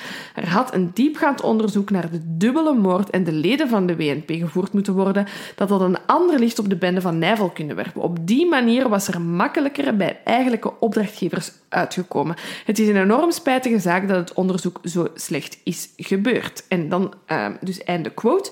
Ja, hoe zot het ook klinkt, CIA Stay Behind. Bekijk zeker de documentaire We Were Gladio. De strategie van de spanning en andere parallele inlichtingendiensten speelden wel degelijk een belangrijke rol. En dan vergeten we ook nog de tendens van extreemrechtse groeperingen, milities, stromingen die na Wereldoorlog 2 zijn opgericht. Mensen hadden echt schrik van het oprukken, oprukkende rode gevaar, of die schrik werd hen aangejaagd. Echt maf. De WNP moeten we daar moeten we daarin situeren, net zoals de bende van Nijvel, die we daar ook moeten situeren, naar zijn bescheiden mening. Ik denk verder dat de bende niet bestaat, maar dat het een samenraapsel is van verschillende groepen die gestuurd werden, al kan ik daar uh, al, kan ik er echt niet bij dat niemand ooit uit de biecht is geklapt. Maar eerlijk, ik ben zeker niet de best geplaatste persoon om mij daarover uit te spreken. Ja, maar toch, toch meer dan ons lander. Enfin, ik wou heel graag reageren. Bedankt voor het verhaal op een erg overzichtelijke en leuke manier te brengen. En dan echt waar, mijn hart in mijn schoenen. Ik heb ondertussen Hilde Geens op de hoogte gebracht van jullie podcast. En dat jullie haar boek grosso modo als basis hebben gebruikt. En ze beloofde me om dit weekend te luisteren. Fucking hell, Lander, kun je zo'n dingen even eerst met ons bespreken? um, dus uh, ja, in, in het slechtste geval is Hilde nog altijd aan het luisteren naar ons. Hey, of niet, is ze afgehaakt ja, en dacht ze, what the fuck is dit allemaal? Liever dat misschien, maar in ieder geval, hey Hilde, we love you. Dank u voor uw boek. Lander, dank u voor uw mail. Ik ga misschien voor het eerst in mijn leven een thesis lezen ja, van iemand, want het is heel interessant. Um, en ik denk dat we grosso modo, om het met jouw woorden te zeggen, wel een beetje overeenkomen. Hè. Ik denk dat we allemaal wel geloven dat de bende meer was dan de som der delen die, dat, die dat iedereen ziet. En dat inderdaad als onderzoek veel gerichter en apart was gevoerd geweest. Uh, dat we misschien sneller tot een groter, duidelijker verhaal um, hadden kunnen komen. Ik wil gewoon nog even terugkomen, want ik heb ook met mijn ouders een gesprek gehad over de Bende van Eiffel. En hetgeen waar ik het bij de, de WNP zo moeilijk mee had, was dat rode gevaar. Ja, ja, ja. En ik vroeg toen aan mijn ouders van, sorry, maar hadden jullie schrik van de communisten? Dat kan toch niet? En mijn ouders zeiden wel, jawel. Ja, ja. Wij hadden schrik, die gingen binnenvallen. Dus dus misschien was de WNP inderdaad... dus, maar ik ben blij dat de WNP effectief een bende domme figuur was. On the ja, daar hadden we dan toch gelijk. On the outside, on the outside. Uh, maar dat ze er misschien toch wel mee gemoeid zijn. Lander, ik ga nu thesis beginnen na vanavond. Maar super hard bedankt voor deze mail. Um, want het is een heel duidelijke uiteenzetting op, ja, wat is dat, minder dan, dan, dan 100 woorden of zo. Ja, goed hè. Goed, hè. Heel, heel goed. Uh, nog een heel lange uh, uh, mail. Grappig dat ze nu echt allemaal van mannen zijn. Ja. Deze komt van Louis. En Louis die is gaan rondsnuisteren op het forum van de Bende van Nijvel. Echt waar, good luck man. En, ik ga er een paar dingen uithalen. Het zijn heel veel grappige dingen dat hij gestuurd heeft, maar ook uh, een galet van een mail. um, nu, wat hij zegt... Tum, een van de meest intrigerende verhalen uh, kwamen van de man met nickname, Insider. Zijn echte naam is P.A. van Haperen en naar eigen zeggen heeft die Behoes gekend. Ik zou aanraden om zijn verhaal niet te veel proberen te begrijpen. Hij linkt de bende van Nijvel met een koep in Suriname qua zelfde opdrachtgevers, et cetera. En heeft in die kringen veel mensen ontmoet die ook met de bende van Nijvel gelinkt worden. Swat. Nu, de juicy part. Hij meent dat Bohouche mogelijk zijn dood in scène heeft gezet. De techniek kan je in de brief vinden die ik in bijlage heb gezet. Dat is een brief dat hij naar de cel Waals-Brabant heeft gestuurd. Kort samengevat, Boehouche zou iemand anders vermoord hebben, die persoon in een vriezer hebben gestoken en vervolgens zijn dood in scène hebben gezet. Hij baseert zich op die dingen die Boehouche tegen hem zei. Iets van, ik kan verdwijnen van de wereld, ik heb gewoon tien jaar nodig. Onder het motto, als het niet waar is, is het toch een goed verhaal. Correct. Ik meen ook gelezen te hebben dat die P.A. van Haperen een louche figuur is. En volgens mij komen zijn eerste posts vlak voor een boek uit van hem is uitgegeven. Kan dus ook gewoon een lijpe verkoopstuk geweest zijn. In ieder geval een goed verhaal als je het mij vraagt. Iets anders. Als ik toch even mijn stelling uh, van Hamers mag uitbreiden. Uh, die man is volgens mij ergens betrokken en volgens mijn theorie in Aalst aanwezig. In de Hamers documentaire die op vier gedraaid heeft, wordt namelijk gezegd dat Hamers vlot zo'n zwaar geweer met één arm kon gebruiken. Dezelfde wijze is beschreven geweest bij een bendeoverval. Ik heb gelezen dat dat oprecht moeilijk is. ah, hashtag sterke bron. Love it, Louis. Gezien Hamers zijn obsessie van een excentriek leven te leiden en het gemak waarop die mensen overvallen deed, past die volgens mij wel in het plaatje. Genoeg psychopaat om dat zomaar te doen. Mijn theorie is dus dat die bij een overval in Aalst ingehuurd is geweest voor een smakgeld maar er voor de rest eigenlijk vrij weinig mee te maken had. Nu ja, weinig. Ja. Um, dus ja, hij heeft heel veel verhalen nog. Hij heeft nog een paar dingen doorgestuurd ook. Um, ik wil gewoon nog even een kleine vermelding. Zijn laatste verhaal. Dus het zijn allemaal um, ja, mensen die ook toch nog hamers linken aan de bende van Nijvel. En als, ah, ja, ja, als laatste schrijft hij Aalst en dan zo alle letters die niet nodig zijn. Tussen haakjes. Louis love it. Um, maar het komt er dus effectief in zijn verhaal wel op neer dat um, Hamers misschien toch meer met de bende zou te maken hebben um, ja, dan dat wij in onze afleveringen ja, hebben, hebben ja, gezegd. Ja, ja. ja. kan. Maar ik denk dat, we, dat, dat het misschien nog eens belangrijk is om te zeggen dat we gewoon niet alle theorieën sowieso hebben kunnen bespreken dat daar geen ruimte voor was. En dat wij in de research dat we gelezen hadden van mening waren van oké, Patrick Hamers lijkt ons eerder niet realistisch. En dat we die daarom wat meer aan de kant... We waren wel fout in het feit om te zeggen dat er geen slachtoffers mhm. waren gevallen. Maar voor ons lijkt die het lijkt het lijkt, ik, blijf het moeilijk, ik blijf het moeilijk hebben met dat hij... Allee, hij had zijn eigen bende en die focus lag zo op het overvallen. Allee, vooral op geld gewoon. Er was zoveel, zoveel geld bij, bij Hamers. Ehm, en drugs. En ik vind het gewoon moeilijk om dat te linken. Maar het kan inderdaad dat hij is, is ingehuurd geweest. Hè? Zeker. De bende is meer dan, ja, ja, ja, dan één groep. Hè? Dat, daar zijn we het wel eens over. Um, dan een verhaal van Ans.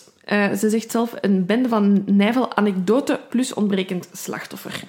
Hey Laura en Silke, dikke merci voor de drie afleveringen. Een lichtpuntje in deze donkere tijden, wat een werk. Ik ben zelf van Overijssel, maar wel nog te klein om me iets te herinneren.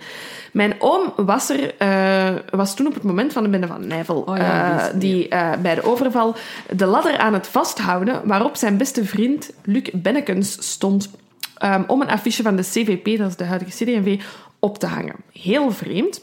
Mijn oom hebben ze laten staan onderaan die ladder en Luc hebben ze van de ladder gehaald. Ze hebben hem gebruikt als levend schild om binnen te vallen en daarna te doden. Verschrikkelijk, want hij was een vader van toen drie heel jonge kinderen. Mijn oom tussen haakjes is een beetje een speciale, zegt dat ze Luc genomen hebben omdat hij een van zijn jeugdvrienden zou herkend hebben. Hij wil niet zeggen wie, want hij heeft daar zelf geen bewijzen van.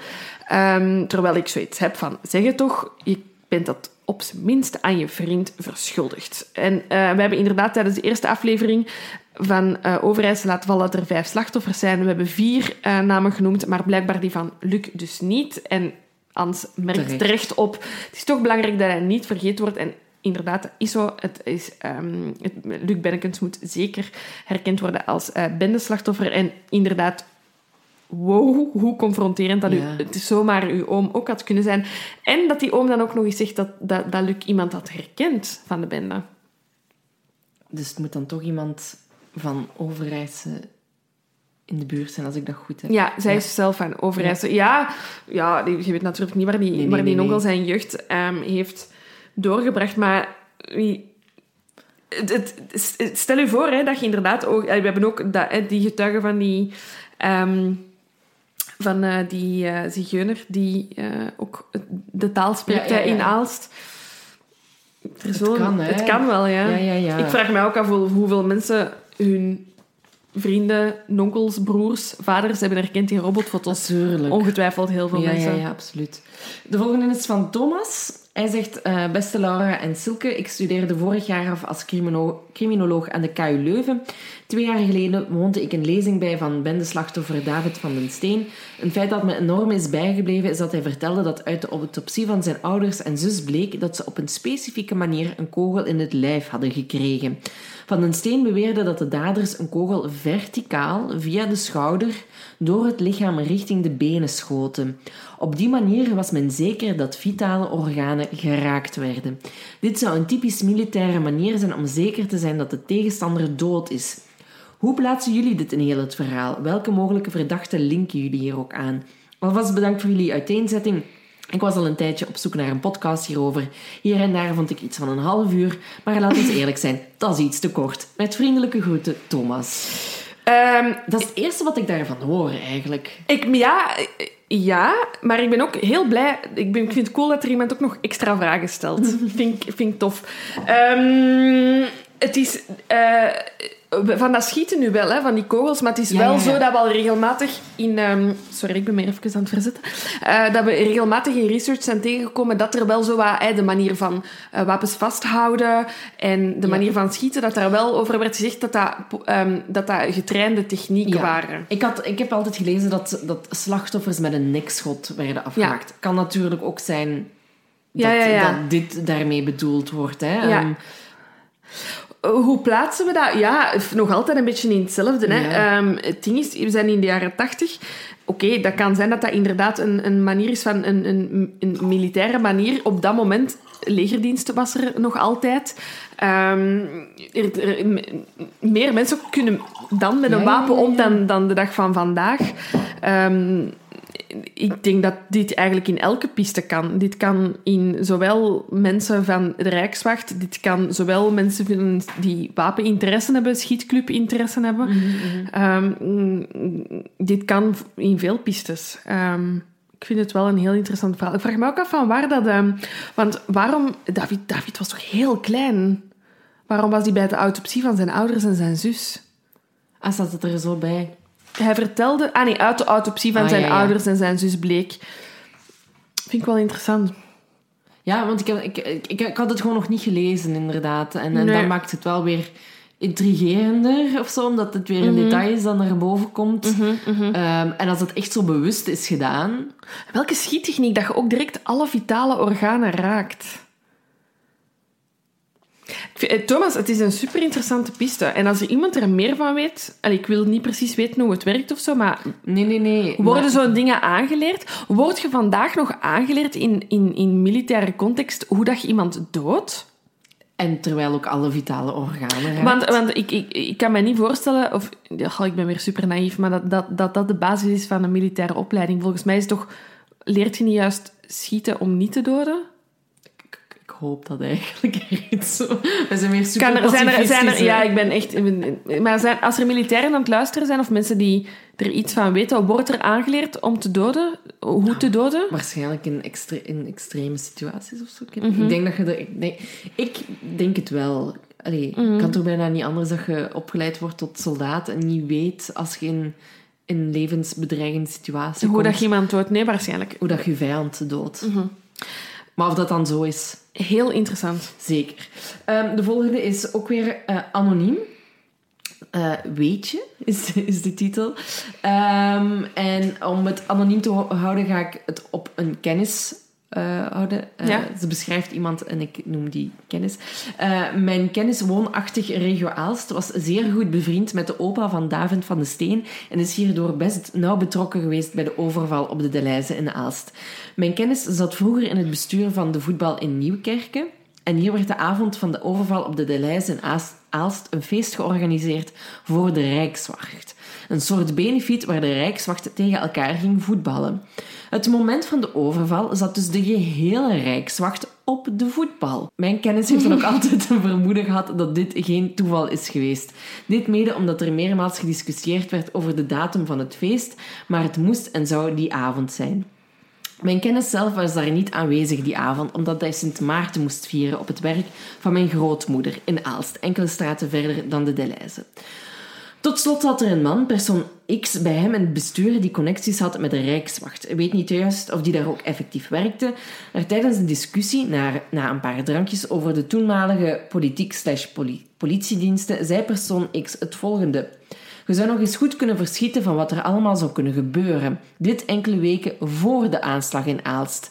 Mijn kennis is er dan ook altijd van overtuigd geweest dat deze uitspraak hier iets mee te maken had en persoon X misschien toen al van meer wist. Hij gelooft wel dat persoon X hier zelf niks mee te maken had. PS, wat een luisterplezier. Jullie werden gemist. Groetjes. Mm, mm, oh. mm. Ja, het ding is gewoon, ik vind het opvallend dat, en, en echt van mensen, want er zijn, eh, again, we hebben nog verhalen binnengekregen. Er wordt altijd in het verhaal, als er naar een schuldige wordt gewezen, wordt er altijd naar die rijkswacht terug. Maar altijd. Elk verhaal dat we hebben binnengekregen was zo: mijn familielid X zei dat. Rijkswacht, Rijkswacht, Rijkswacht, ja. Rijkswacht. Daar hebben we echt zoveel. Ja, dat is echt. Um, het is opvallend. Het is echt opvallend. Er, is echt, er heeft echt nog, nog niemand iets over een broers gezegd. Alleen dat hij zijn dood in scène gezet zou ja, hebben. Ja, ja. Wat mij ook ja. niet zou verbazen. Nee. Oh, dat wou ik ook nog zeggen. Ik heb... Um, ik ben met, uh, met Lucas wel eens een keer uh, s ochtends gaan wandelen als ontspanning. Uh, maar de laatste tijd heb ik het veel. Elke keer als wij gaan wandelen, wandelen wij toevallig weer voorbij iets. Um, dus afgelopen weekend liepen we voorbij een plek van een van de moorden uit ons boek. Ik zal even nog niet zeggen hè, over welke zaak het gaat, maar we liepen daar voorbij.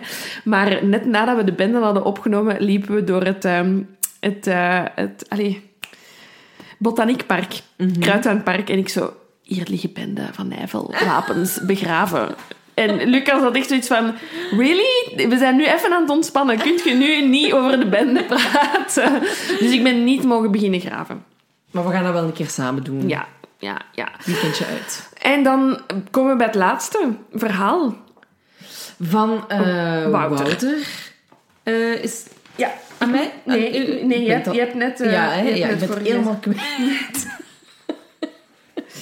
Um, Wouter, ik ga het nu niet hardop zeggen, maar I love uw e-mailadres. I love it. Ah, ik had dat nog niet Het is echt heel goed. Um, laat maar weten of we dan een keer mogen voorlezen. Nee, het is echt een heel, heel grappig mailadres. Lieve dames, eerst en vooral proficiat met jullie fantastische podcast. Ideaal om naar te luisteren tijdens het fietsen of de wandeling met de hond. Graag foto's van uw hond, Wouter. De podcast over de Bende van Nijvel was zeer omvangrijk en boeiend. Persoonlijk denk ik dat die Philip de Starke, Beyer en Boes de sterkste verdacht zijn. Wouter, I feel you. Over het waarom, geen idee. De buit was veel en tegelijkertijd niet veel. Eén theorie die ik een beetje mis, en dit is echt een goeie om mee te eindigen, ja. zo wat filosofisch.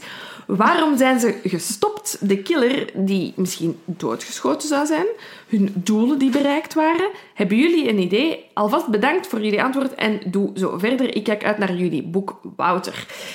Heel, heel, twee hele goede vragen. Hè? Inderdaad, waarom is de bende gestopt? Daar hebben we nooit daar hebben we nooit over gediscussieerd, daar hebben we nooit over gespeculeerd. En inderdaad, is het dan misschien omdat die killer um, doodgeschoten is? Wat denkt jij?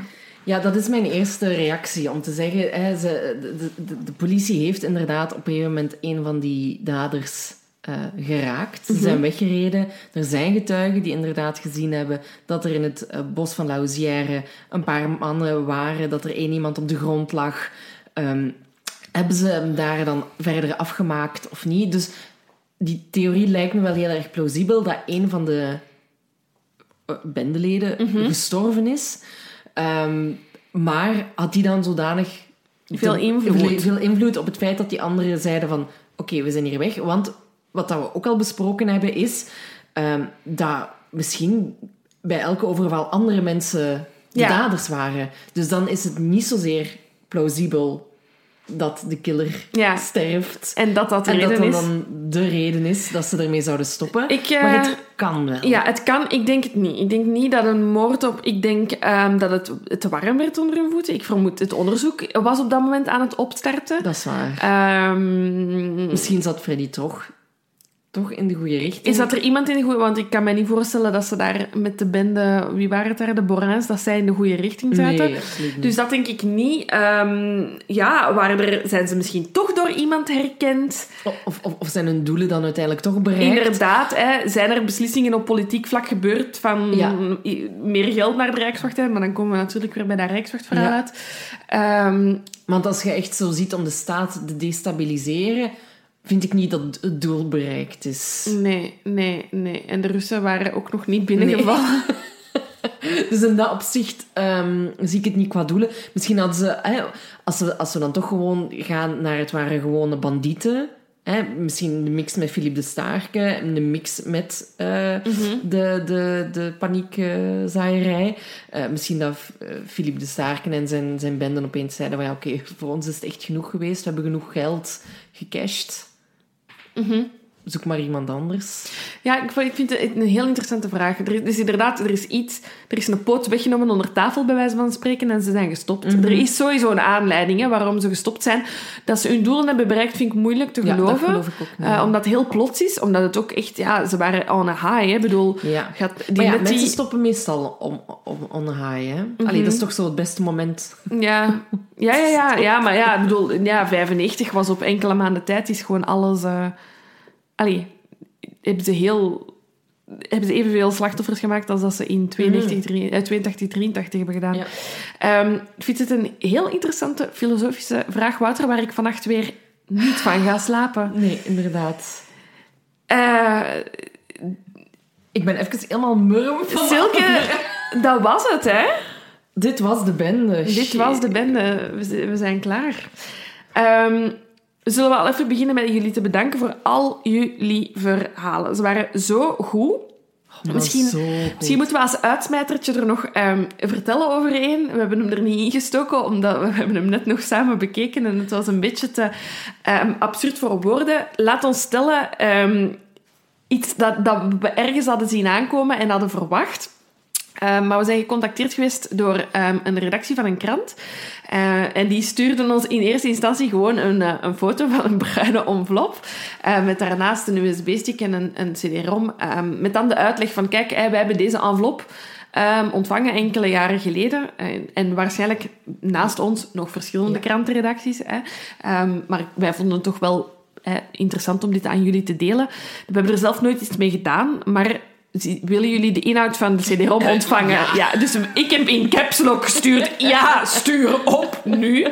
Ehm, en we hebben, dan, we hebben dan de inhoud van die CD-ROM eh, gekregen. Het ziet er inderdaad eh, uit... Allee, het ziet er inderdaad uit als iets dat naar verschillende nieuwsredacties Ja, zal ja, ja. gestuurd geweest zijn. Ehm, want de inhoud van de CD-ROM bevat eh, brieven, ehm, foto's die aan robotfoto's worden gelinkt.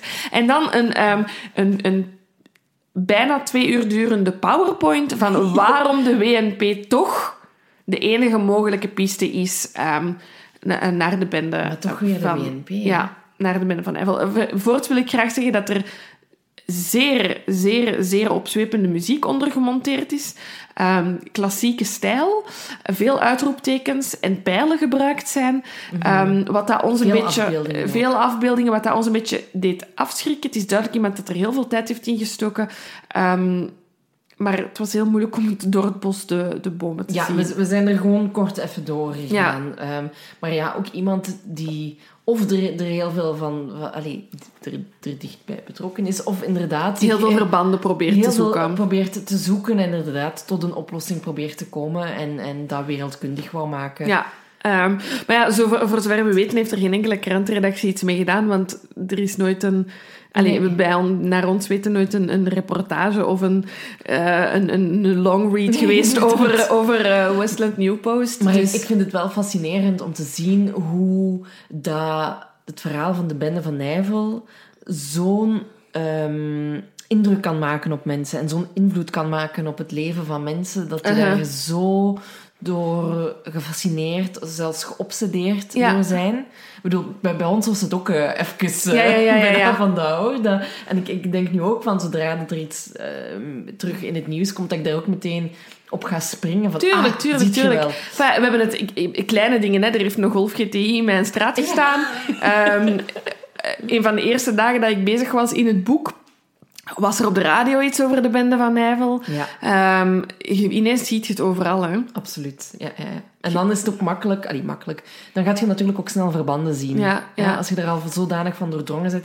En misschien ook te maken krijgt met een tunnelvisie. Mhm, Ehm, Maar bon, heel, ja, ik vind het ehm, heel fascinerend dan ook weer zelf om te zien wat voor invloed de bende heeft nu nog op mensen. Bij jullie, bij jullie families... ehm, ja, ik, ik blijf het zeggen. eh, we, ons mailadres staat open voor eh, daders. Ehm, ik had er heel graag toch één mailtje van gehad. Talking to you, Behoes. We weten dat je leeft. nee, ehm it has been a ride. Maar Ja, het was ja, ja. echt... eh, het was, ik vond het heel fijn. En bij deze zijn de... ehm, zijn de suggesties geopend voor wat onze special van volgend jaar wordt, hè, jongens. Eh, de bende is gepasseerd. Is er zo nog een zaak waarvan jullie zeggen... Wauw, daar willen we wel eens vier... maar drie- echt diepgaande. ja, diepgaande. Daar wil ik ze nog wel eens op zien losgaan. Ehm, laat het ons weten, hè, want we zijn, allee, ik denk dat we dit wel elk jaar gaan doen. ja, ja, ja. Ehm, dus Zolang jullie specials willen. zolang jullie specials willen, eh, is dat wel fijn voor ons om, om ons zo één keer per jaar toch op iets groots... Want dat doen we voor de rest. Nee, eh, nee, het was heel leuk. Misschien moeten we toch eens heel diepgaand op de roze balletten losgaan. hè. Ja, dat is, ja, dat is eentje die hoog op mijn lijst staat. De rechtvaardige, rechters is er eentje. Of ja, van die Belgische mysteries waar dat wij misschien nog niet aan, aan gedacht hebben. Of Nederlandse mysteries. Ja, het mag ook iets internationaals zijn, hè, maar ik vind het altijd fijn om, om het zo wat dicht bij huis te houden. ja, vooral dingen die nu nog echt zo wel leven. En ook, ook eh, ja, Nederlandse zaken, want daar weten wij eigenlijk nog minder van. Dus het gaat ook zeer interessant zijn om ons daar een keer eens eh, wat dieper in te verdiepen. Dus Wel komen. ook iets dat, ehm, ehm, waar het gerechter, gerechtelijk onderzoek min of meer eh, van is afgerond. Hè. Dat we toch Mm. zeker ehm, Absoluut. dat ja. we geen, eh, niet, geen invloed hebben op, op, op, op een echte volksjury of zo. Stel u voor. Nee, dat is goed. Ik ben benieuwd. Ja, laat maar komen. Ça va, dat, Dat, was... dat was het. Eh, we posten vanaf nu weer om de twee weken. Ja. Ehm, we gaan ons best doen, want again, hè, we zijn hard aan het schrijven aan het boek. Dus misschien dat we er af en toe toch eens nog eens een snipperdagje gaan tussen steken. Maar er komt wel een boek in ieder Er geval. komt een boek en ik, ik denk dat tegen de, tegen de tijd dat we het gaan lanceren, dat we zeker ook nog eens een aflevering over het boek gaan maken. Ah, dat komt zeker nog. Voilà, goed. En dan wensen we jullie een fijne week nog. Fijne week, ja. Geniet nog van het prachtige weer. Oh my god, ja. Geniet van het prachtige weer. Wees veilig. Ehm, maar geniet toch een beetje. Ja. En van deze aflevering. Ja. Bye! Doei!